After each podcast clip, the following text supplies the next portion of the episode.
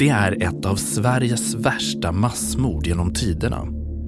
Under en natt sommaren 1994 kommer människors liv förändras för alltid.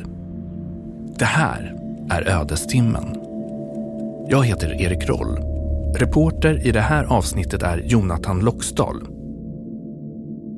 Vi har träffat ögonvittnen som berättar vad som faktiskt hände. Nu börjar vi.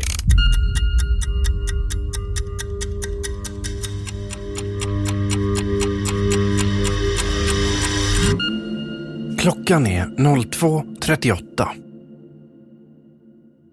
Det brukar börja med en liten fördränk då ute i, eh, i parken här, regementsparken. Eh, och sen så flyttar man in på mässen och så äter man en lättare sommarbuffé. Och sen så um, brukar det avslutas med att man eh, börjar dansa helt enkelt. Så det är, det är dans och det är baren öppen. Och... Natten då skotten ska falla över Falun är en varm sommarnatt. Den 10 juni har slagit över i den 11. På Dalregementet hålls Garden Party, den årliga sommarfesten för officerarna och deras respektive. Det är en uppsluppen fest. Man har lämnat uniformerna hemma. Firandet har gått in på småtimmarna inne på mässen. Regementets sällskapssal. Fint inredd med trämöbler och gamla tavlor på kungar och fältslag. Kapten Ronny Modigs hänger på balkongen. Ja, men då ser man ut över eh, regementsparken och regementets eh, idrottsplan, Dalavallen. Och sen över mot andra sidan, mot Främby till. Eh, sen ser man ju lite grann ner mot Falun också då, beroende på hur mycket vegetation det är. Falun och Försvarsmakten är intimt förknippade. Regementsbyggnaderna har stått här ett sekel och ligger bara en kvarts promenad från tågstationen. Många Falubor har gjort värnplikt här eller känner någon som jobbar. Kapten Ronny Modigs är nyligen tillbaka från uppdrag i Kroatien. Dalarna på försommaren är milt sagt en fredligare plats. Men det var naturligtvis väldigt skönt att vara hemma, men det hade också varit en eh, väldigt bra och spännande tid i eh, krigets Jugoslavien. Det kändes nog mest bra just då och eh, styrkt av erfarenheten att ha gjort den här missionen i Kroatien. Då, när Ronny står på balkongen med en officerskollega, skär ett smattrande genom sommarnatten. Det är skott. Ronny identifierar vapnet som en AK5. Framförallt så skjuter man väldigt hög intensitet. I övrigt så låter det som, som ett skott, men eh, när man har tränat så pass mycket som vi hade då med de här vapnen så kände vi igen det karaktäristiska ljudet. Det sköts nog eh, säkert eh, 15-20 skott. Någon skjuter i Falun.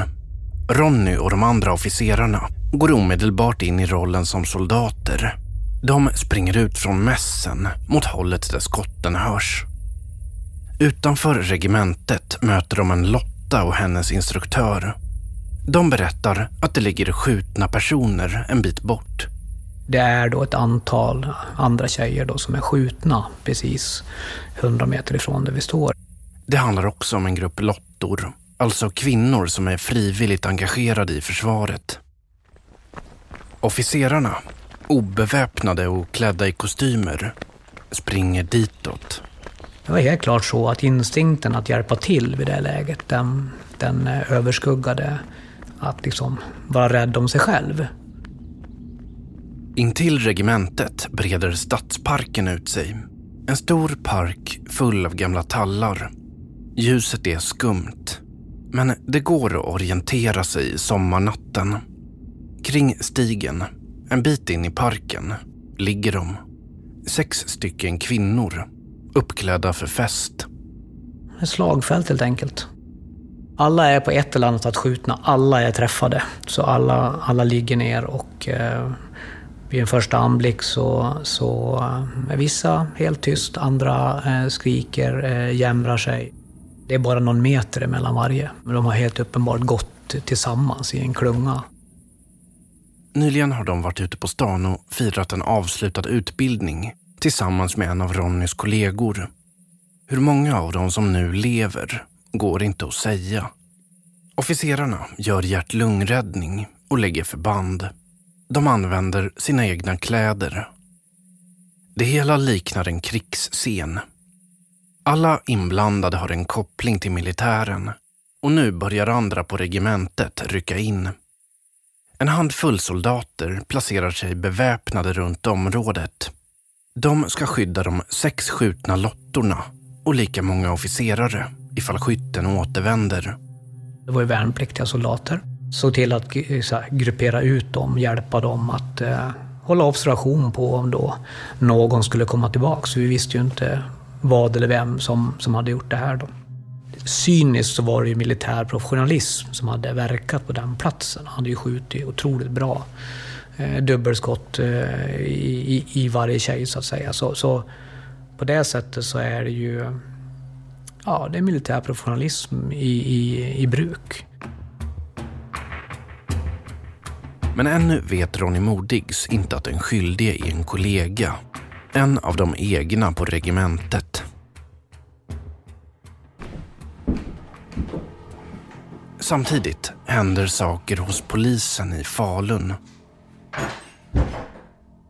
Ja, det var i princip min vanliga arbetstid, fast ändå inte. Jag hade bytt ett pass några månader tidigare med en kollega och jag skulle betala tillbaka det här passet. Då.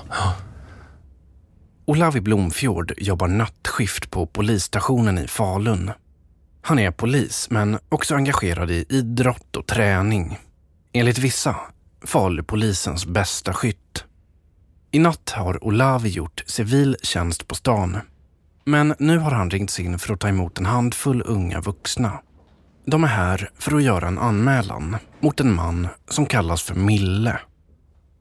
Ja, stämningen var ju upprörd. Och eh, det tog en liten stund innan vi fick liksom ordning på själva händelseförloppet. Men eh, utifrån vad de berättade så, så framkom en bild av en man som var psykiskt instabil den här kvällen. De säger att Mille under kvällen varit våldsam. I synnerhet har han betett sig hotfullt mot sin exflickvän Eva. En av dem som är här nu. Under våren har Mille och Eva haft ett förhållande. De har varit kära, men det har inte blivit bra. Eva har märkt hur Mille förändras när han dricker han blir svartsjuk och mörk i blicken. Och en kväll, säger Eva, tog han stryptag på henne. Det finns fler tillfällen då Mille har spårat ur. En kväll skulle han och några vänner ut på stan efter att de druckit groggar. Under promenaden sa Mille plötsligt att han hade en pistol och skulle skjuta dem. De tog upp honom till hans bostad där de höll fast honom och sökte efter vapen. När de inte hittade något sprang de iväg i zigzag ifall han ändå skulle vara beväpnad. Just den här dagen började i glädje. Eva deltog i en ceremoni i kyrkan där hon firades som färdigutbildad sjuksköterska. Mille kommer med blommor. Utanför kyrkan sa han att han varit på ett hemligt militärt uppdrag i Stockholm under förmiddagen. En ren fantasi. Under kvällen följde han efter Eva på stan, full och gjorde bort sig inför hennes mamma. Han ställde sig utanför en korvkiosk och skrek “Jag är odödlig, det här är min stad”. Eva ville bli lämnad i fred och gick ifrån honom. Han ska eventuellt ha slagit en kille som satt i Evas knä på en krog, varpå han blev utkastad. När polisen Olavi Blomfjord får höra om Mille tänker han att han inte lär gå vidare med det här fallet ikväll. Men han tar in alla uppgifter. Det fanns ju ingen anledning i det här fallet, vad som gällde anmälan, att söka efter honom och gripa honom och få honom anhållen. Utan det här skulle ju i så fall gå in den vanliga gången med eh, att man blir kallad till ett förhör för att höra honom om det här kvällen. Hey, it's Ryan Reynolds, and I'm here with Keith, co star of my upcoming film, If, only in theaters, May 17th. Do you want to tell people the big news?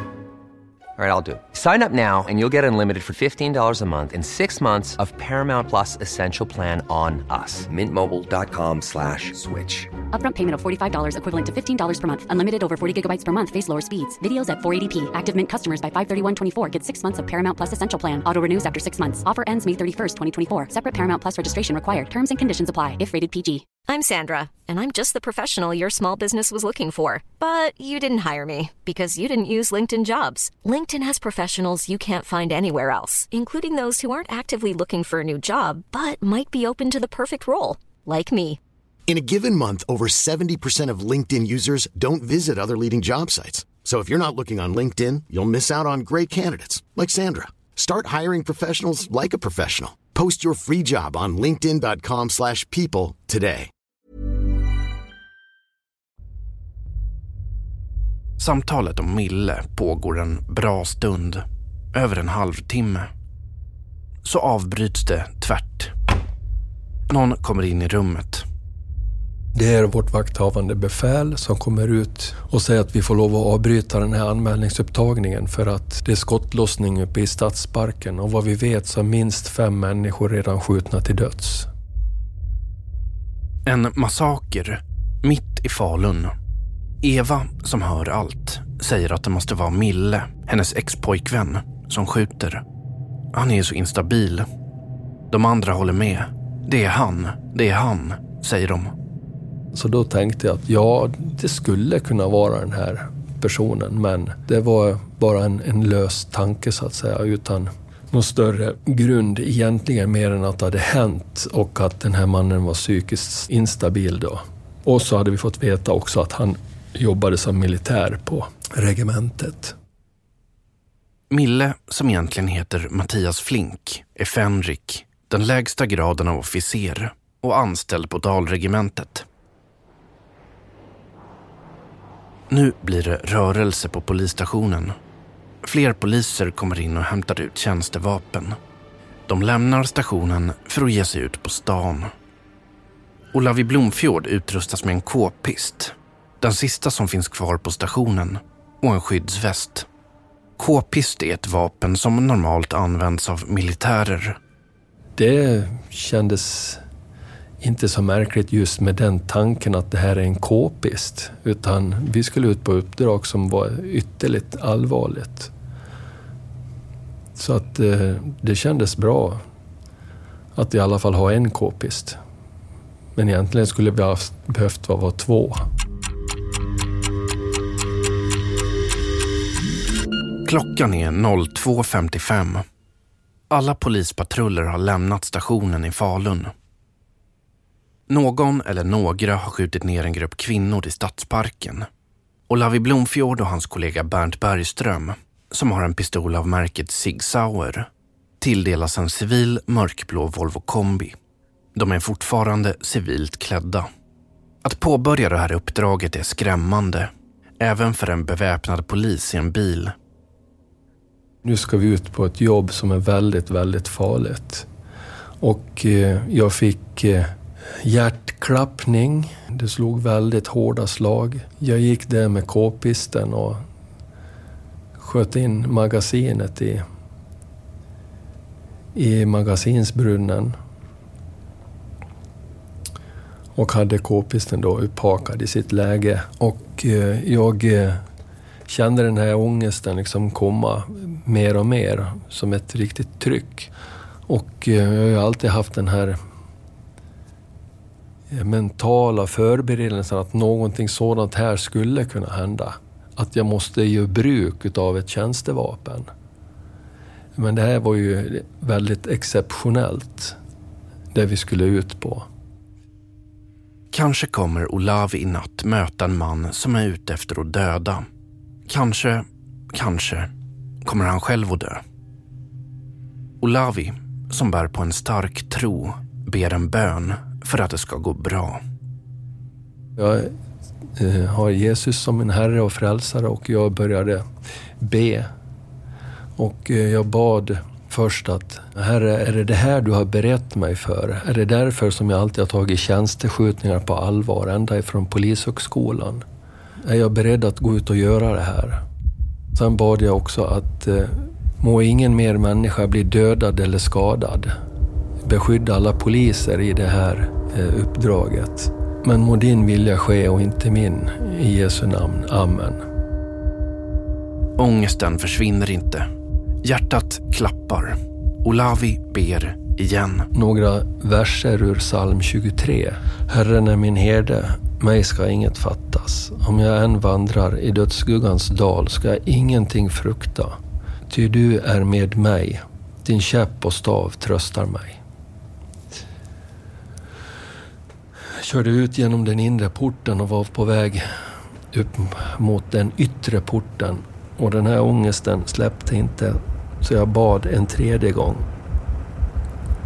Herre, använd mig som ditt redskap i det här uppdraget. I Jesu namn. Amen. Plötsligt så bara släppte all den här ångesten. Och jag kände mitt, mitt eh, hjärta lugnade ner sig och blev normala. Ungefär 100-110 slag per minut. Fortfarande lite stress men den här ångesten var borta.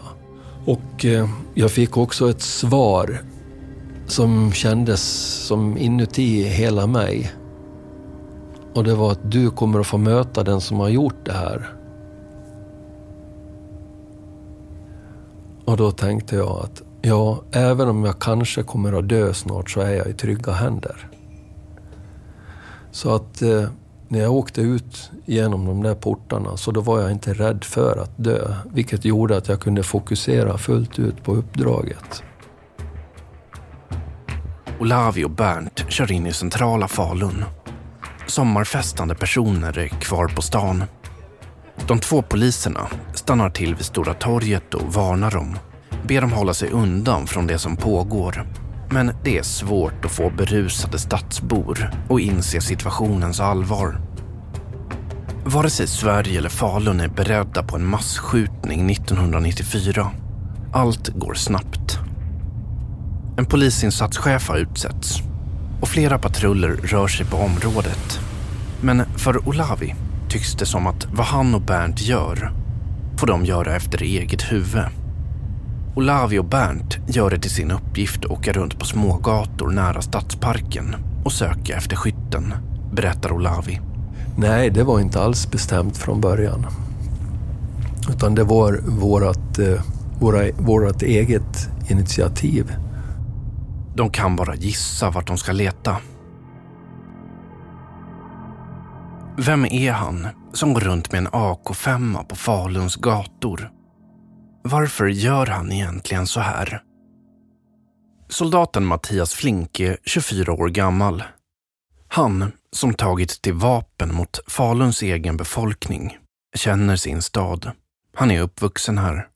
Mattias Flink beskrivs som ordningsam, lite fyrkantig, nästan överdrivet intresserad av vapen.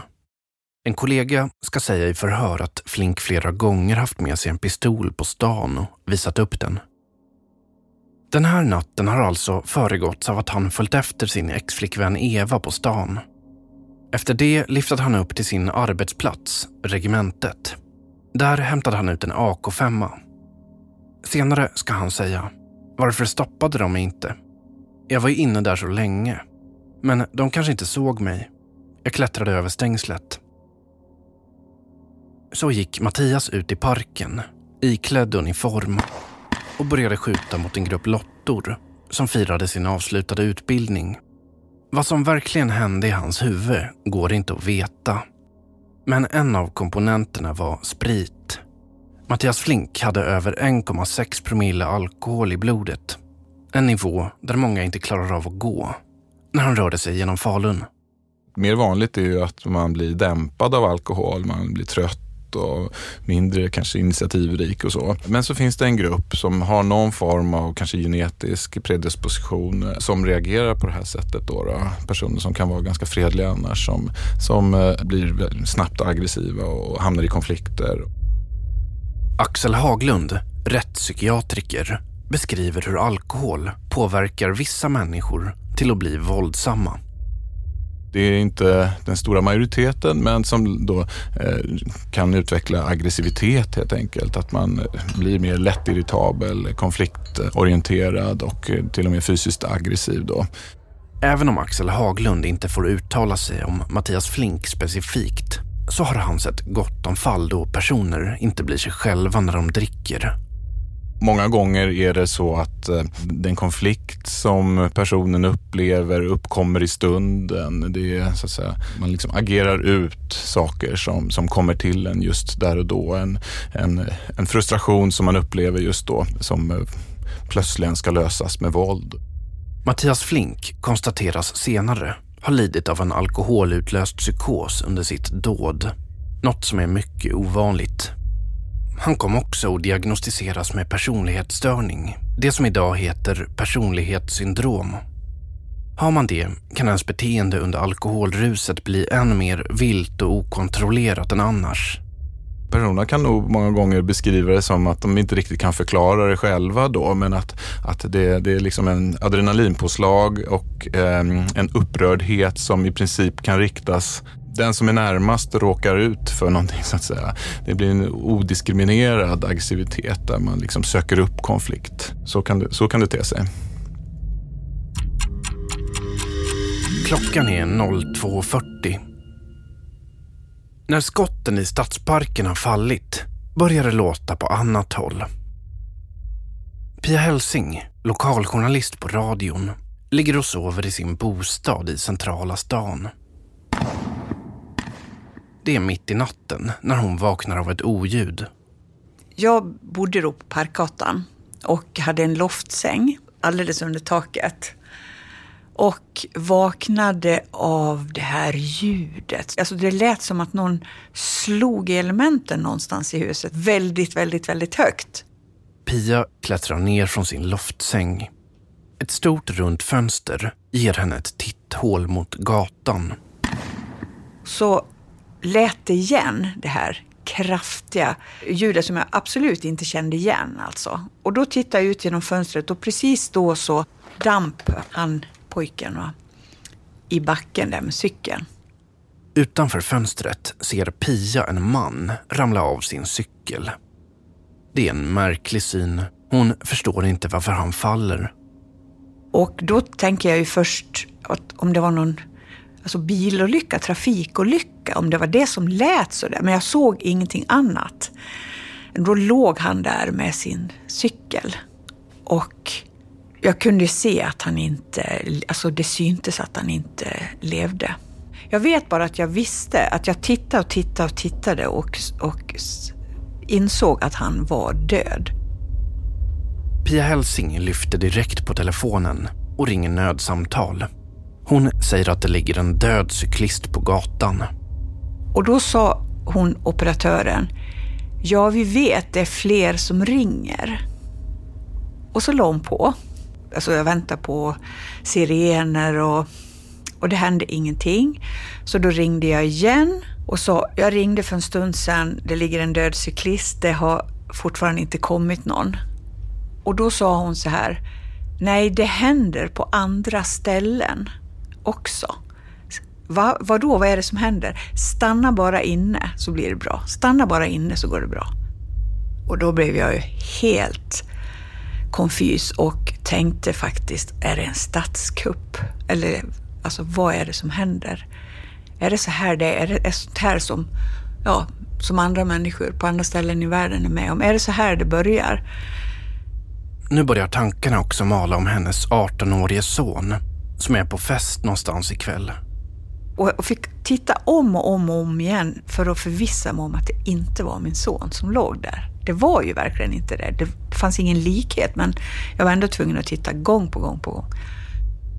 Pia Helsing ringer en tredje gång till polisen, men inte till larmnumret. Hon försöker bara få en bild av vad som pågår.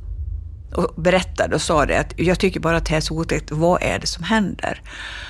Och då sa hon, nej det är en ensam galning som skjuter. Och han är inte gripen än. Och det, jag, jag hörde att det var fler offer. Ja, det är fler offer uppe i Stadsparken. Jag sa, min son har inte kommit hem. Och då sa hon, du behöver inte oroa dig. Det finns ingenting som tyder på att det är en ung pojke som är med. Jag tror att de flesta andra är kvinnor och så. Hon var liksom på något sätt både skulle lugna mig och samtidigt inte berätta för mycket. Någonstans inser Pia Helsing att hon befinner sig mitt i en svindlande nyhetscykel. Hon är den reporter i Sverige som befinner sig närmast den mest intressanta händelsen just nu. Och jag sitter på första parkett. Jag är journalist. Nu borde jag, nu skulle jag liksom, nu borde jag ringa TT typ, du vet, eller larma.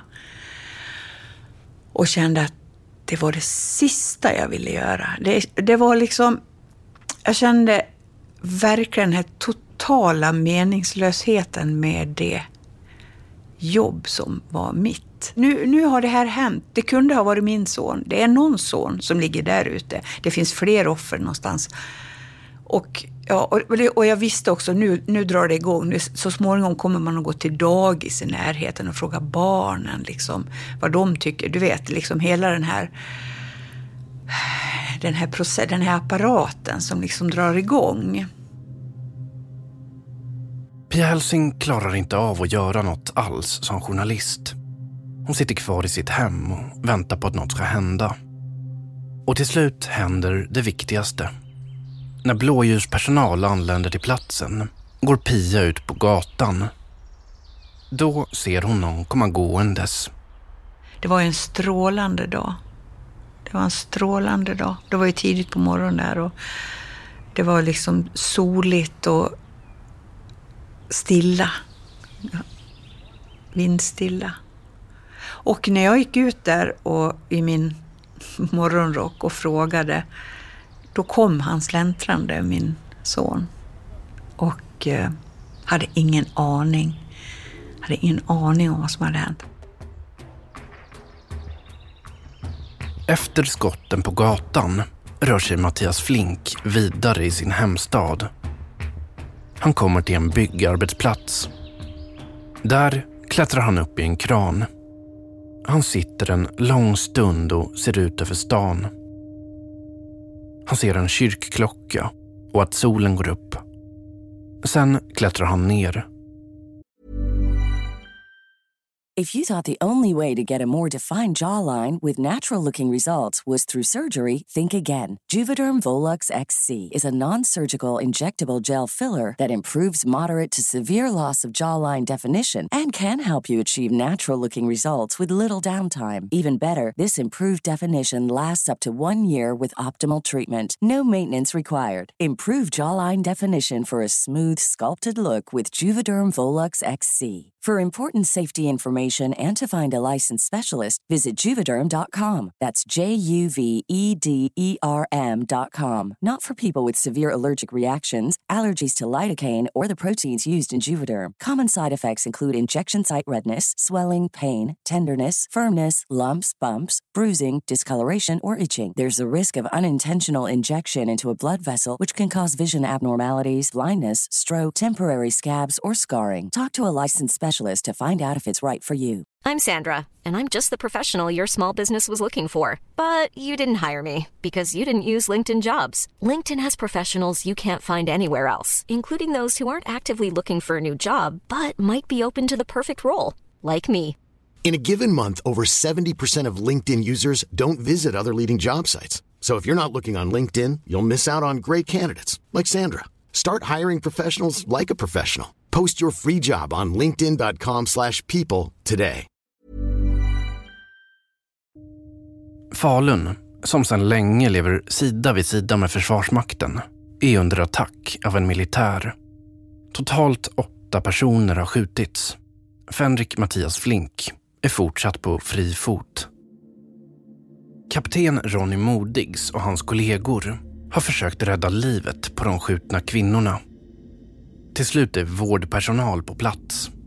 Nu kan Ronny Modigs och de andra officerarna släppa ansvaret för livräddningen. De rör sig tillbaka mot mässen där de alldeles nyligen dansade och drack drinkar. Regementets chef har också tagit sig in. Så han ser ju oss komma ut där, liksom eh, blodiga med bara trasor kvar på kroppen för vi har liksom använt våra skjortor och sådana här saker för att eh, förbinda tjejerna med. Det är ju liksom kaos här också, informationen och ryktena går ju. Vi vet ju fortfarande inte vem det är som har skjutit eller någonting. Nu när de sitter bland resterna av festen och pratar går ryktet att skytten kanske är en av dem. En anställd på Dalregementet, Mattias Flink. Ronny vet mycket väl vem det är. Han... Eh, han var ju en väldigt vapenintresserad eh, kille och sådär. Men jag vart ju chockad ändå, liksom, för att från att vara supervapenintresserad som en hel del av kollegorna, ett antal kollegor är, till att göra någonting sånt här, det är ju i våran värld helt orimligt med tanke på den uttagning man har och den utbildning man har genomgått och sådana saker. Att någon, någon av oss skulle liksom gå och begå sånt här våldsbrott, det, var ju en helt orimlig tanke. Fenrik Mattias Flink har gjort stan till ett slagfält i den roll han kan bäst, soldatens. Ronny Modigs har nyligen kommit hem från ett Kroatien präglat av inbördeskrig. Men det är först här, hemma i Falun, som han på allvar fått se vad som kan hända när en militär använder sina vapen. Ja, hade inte jag sett på det sättet på Balkan heller, för jag var inte involverad i den typen av, av eh, situationer där. Så att, ehm, nej, det var skrämmande att se hur effektiv vår utbildning är faktiskt. Nu undrar alla när skytten ska stoppas. Och hur? Ska jakten på honom sluta i fler förlorade människoliv? Klockan är någon gång efter 03.00. Poliserna Olavi Blomfjord och Bernt Bergström kör sin civila Volvo på Faluns smågator. De försöker hitta en plats nära Stadsparken med bra uppsikt om skytten skulle passera. Först, eh, första platsen, det tyckte vi, nej det här vart inte bra, det var för dålig sikt. Sen åkte vi ner till ett område nere vid järnvägen. Eh, det heter Magasinet. Och där var det ju liksom alldeles för öppet och för mycket vegetation också. Vi såg inte åt det här hållet, det som vi tänkte att vi skulle se. Så den tredje platsen eh, tyckte vi var perfekt. Då stod vi på en gata som heter Promenaden. Och det är en allé. Bakom oss har vi då järnvägsstationen och längs med våran eh, högra sida då så går järnvägsspåret då, rakt genom stan. Och vi har en fri sikt på ungefär 400-500 meter. Bredvid dem sträcker sig ett gammalt övergivet järnvägsspår. Små ogräsväxter har letat sig upp i rälsens mellanrum. Härifrån ska de spana efter Mattias Flink. Och eh, där stannar vi då. Vevar ner eh, rutorna, motorn avslagen naturligtvis, så jag hör fåglarna kvittra denna underbara eh, sommarmorgon. Eh, jag undrar om någonting hemskt kan hända när, det, när sommaren är så vacker. Så kommer det en eh, mansperson eh, småjoggandes över vägen ungefär 100 meter framför våran bil. Han kommer från eh, vänster, eh, Eh, alltså nerifrån centrum, hållet till småjoggar över vägen och eh, går in på järnvägsspåret och kommer i riktning mot oss. Han är då klädd i militära kläder, gröna byxor och en grön skjorta, Kortärmad eller uppkavlade ärmar och han bär på ett gevärsliknande vapen. Och jag rapporterar det till de andra poliserna och säger att han kommer gåendes emot oss. Han är en bra bit bort, mannen i uniform de två poliserna kliver ut ur bilen och placerar sig på varsin sida om den. Jag bakom bilens vänstra framdörr och eh, har då uppsikt åt det här hållet där han eh, är. Och Bernt han är på bilens bakre högra hörn, knäståendes och jag i halvknäståendes med armbågarna på motorhuven och k-pisten riktad mot eh, det här hållet. Poliserna följer Mattias Flink med blicken. Men då händer det. Flink hamnar bakom växtlighet. De kan inte längre se honom. Och då känner jag den här oron som jag hade tidigare komma krypandes tillbaks igen.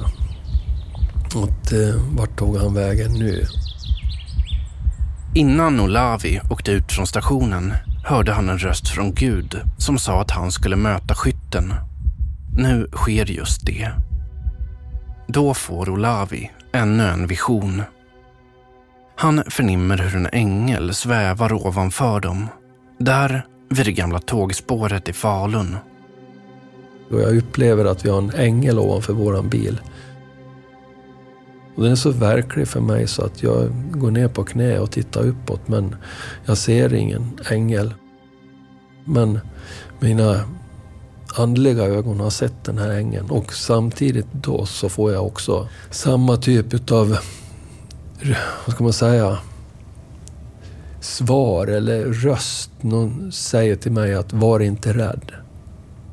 Och då går jag upp igen och sen så tittar jag åt det hållet där jag hade eh, sett eh, den här manspersonen försvinna. Och då kommer han gåendes på järnvägsspåret i riktning mot oss. Och eh, jag placerar kornet rätt i huvudet på honom. Och jag tänker att det är alldeles för stor risk att, att missa. Och jag måste vänta, jag väntar, jag väntar. Nej, han ser inte oss. Olavi förbereder sig. Gärningen kan göra skillnad mellan liv och död. Och jag har då en plan färdig i huvudet och det är att när han syns i helfigur mellan järnvägsbommarna, det är då det ska ske. Och vad är det som ska ske? Jo, jag kommer att ropa stanna polis. Och eh, med förhoppning om att han har den respekten för Sveriges lag och att han då ger sig. Men jag har ju också fullständigt klart för mig att jag kanske måste avlossa mitt vapen. Och det ska jag göra om han inte åtlyder den här befallningen och stannar och ger sig.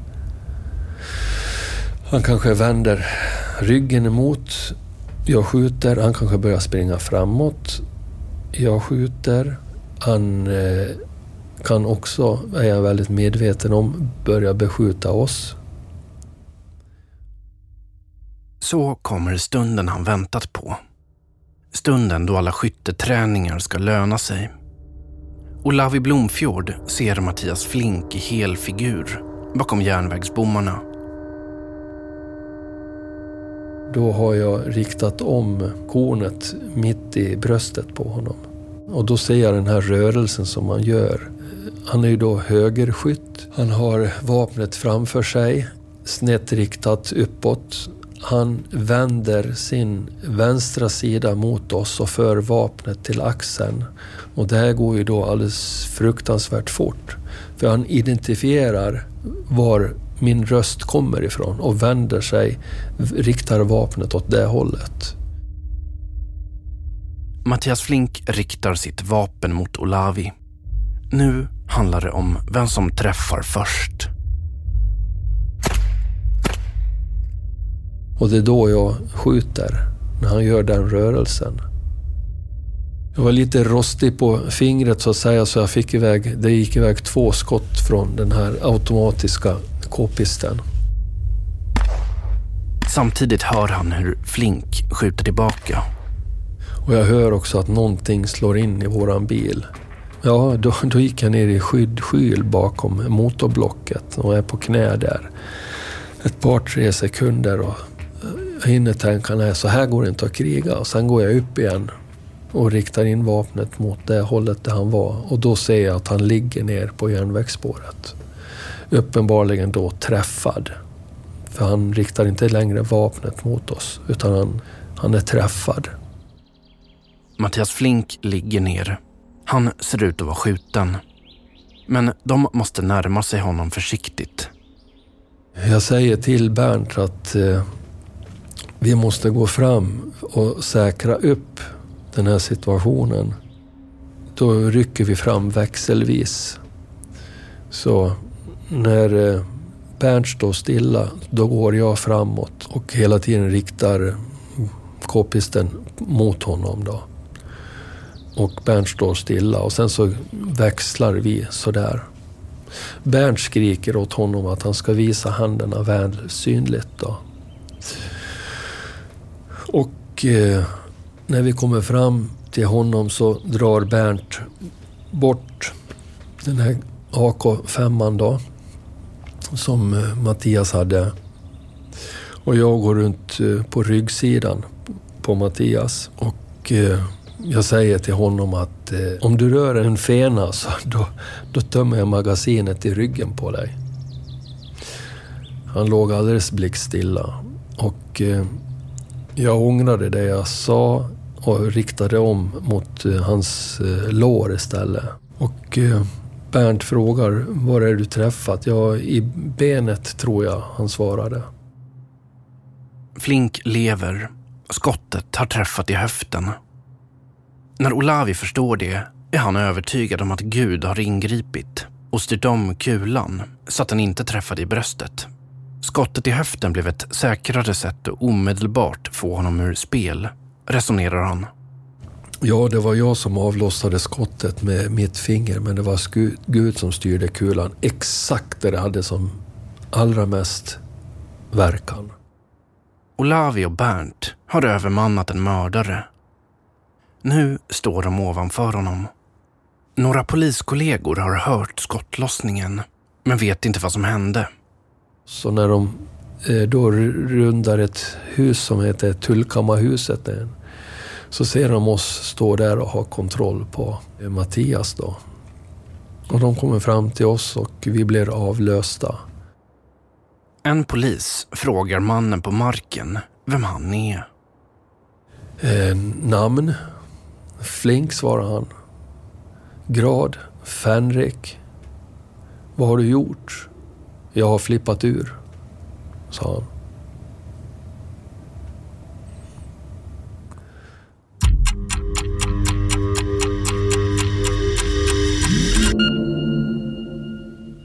Klockan är 03.25.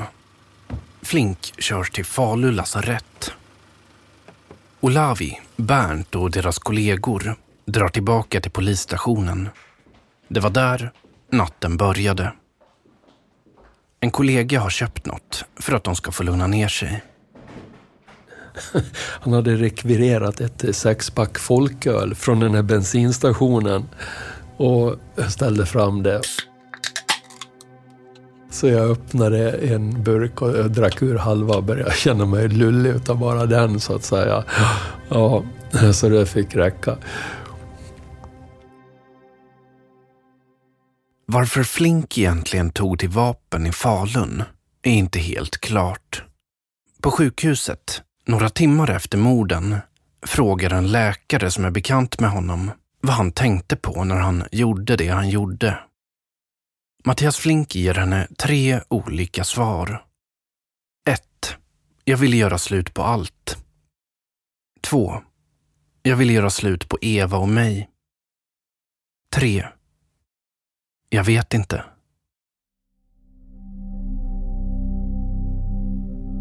Du har lyssnat på Ödestimmen och det här är vad som hände sen.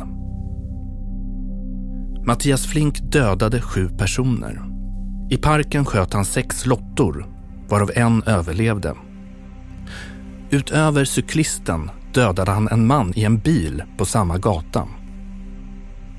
I rättegången är frågan om Mattias Flink kan dömas till fängelse. Om han var berusad och psykotisk kan det betyda att han led av en allvarlig psykisk störning tillfälligt under dådet. I så fall kanske han inte kan få fängelse men inte heller vård eftersom tillståndet gått över. Det skulle betyda att han får gå fri. Fallet når Högsta domstolen. I februari 1995 kommer de fram till att Mattias Flink under natten led av en psykos utlöst av alkohol men att det inte ska räknas som en allvarlig psykisk störning. Han döms till livstid. Händelsen får följder för det svenska rättssystemet. Lagen skrivs om för att skapa större klarhet för liknande fall i framtiden. Flink anses uppträda exemplariskt i fängelset. Till slut får han sitt straff tidsbestämt och 2014, 20 år efter dådet, släpps han fri. Olavi Blomfjord, polisen som sköt Mattias Flink, stärktes i sin kristna tro efter händelserna. Det lever med mig så att säga, men det är, jag, jag har liksom inga mardrömmar eller ångest utav att jag tänker på det, utan jag, är, jag ser det som ett... Eh, Gud hade omsorg om mig och eh, det har stärkt min gudstro. Pia Helsing, journalisten som hamnade mitt i nyhetsflödet, lämnade journalistiken. Jag kände nog verkligen det här är inte min bransch. Det var ingen tillfällig formsvacka riktigt, utan det var, det var ett bestående. Kapten Ronny Modigs, som försökte rädda livet på de skjutna lotterna, är idag chef för Dalregementet. Men han kände hur militärerna under en period tappade sin status i Falun. Det var inte så att man eh, gick omkring och, och, och skröt med att man var officer eller, eller eh, gick i uniform i Falun där på ett antal år på stan. Så, det gjorde man inte.